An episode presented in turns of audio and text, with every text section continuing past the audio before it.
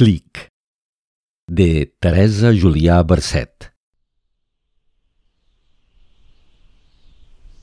El otro, hombre o mujer, siempre muerto de miedo mientras se asoma al vacío. Miedo al dolor del impacto, sea agua, cemento o roca lo que se encuentre allá abajo.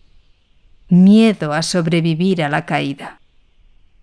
El otro, tan sumido en su propia catástrofe espiritual, nunca se percata de que yo, el rastreador de puentes, estoy acechando pacientemente para fotografiar su último salto.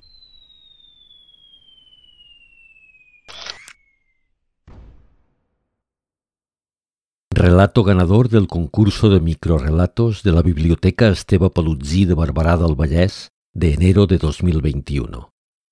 Grabación en veu alta.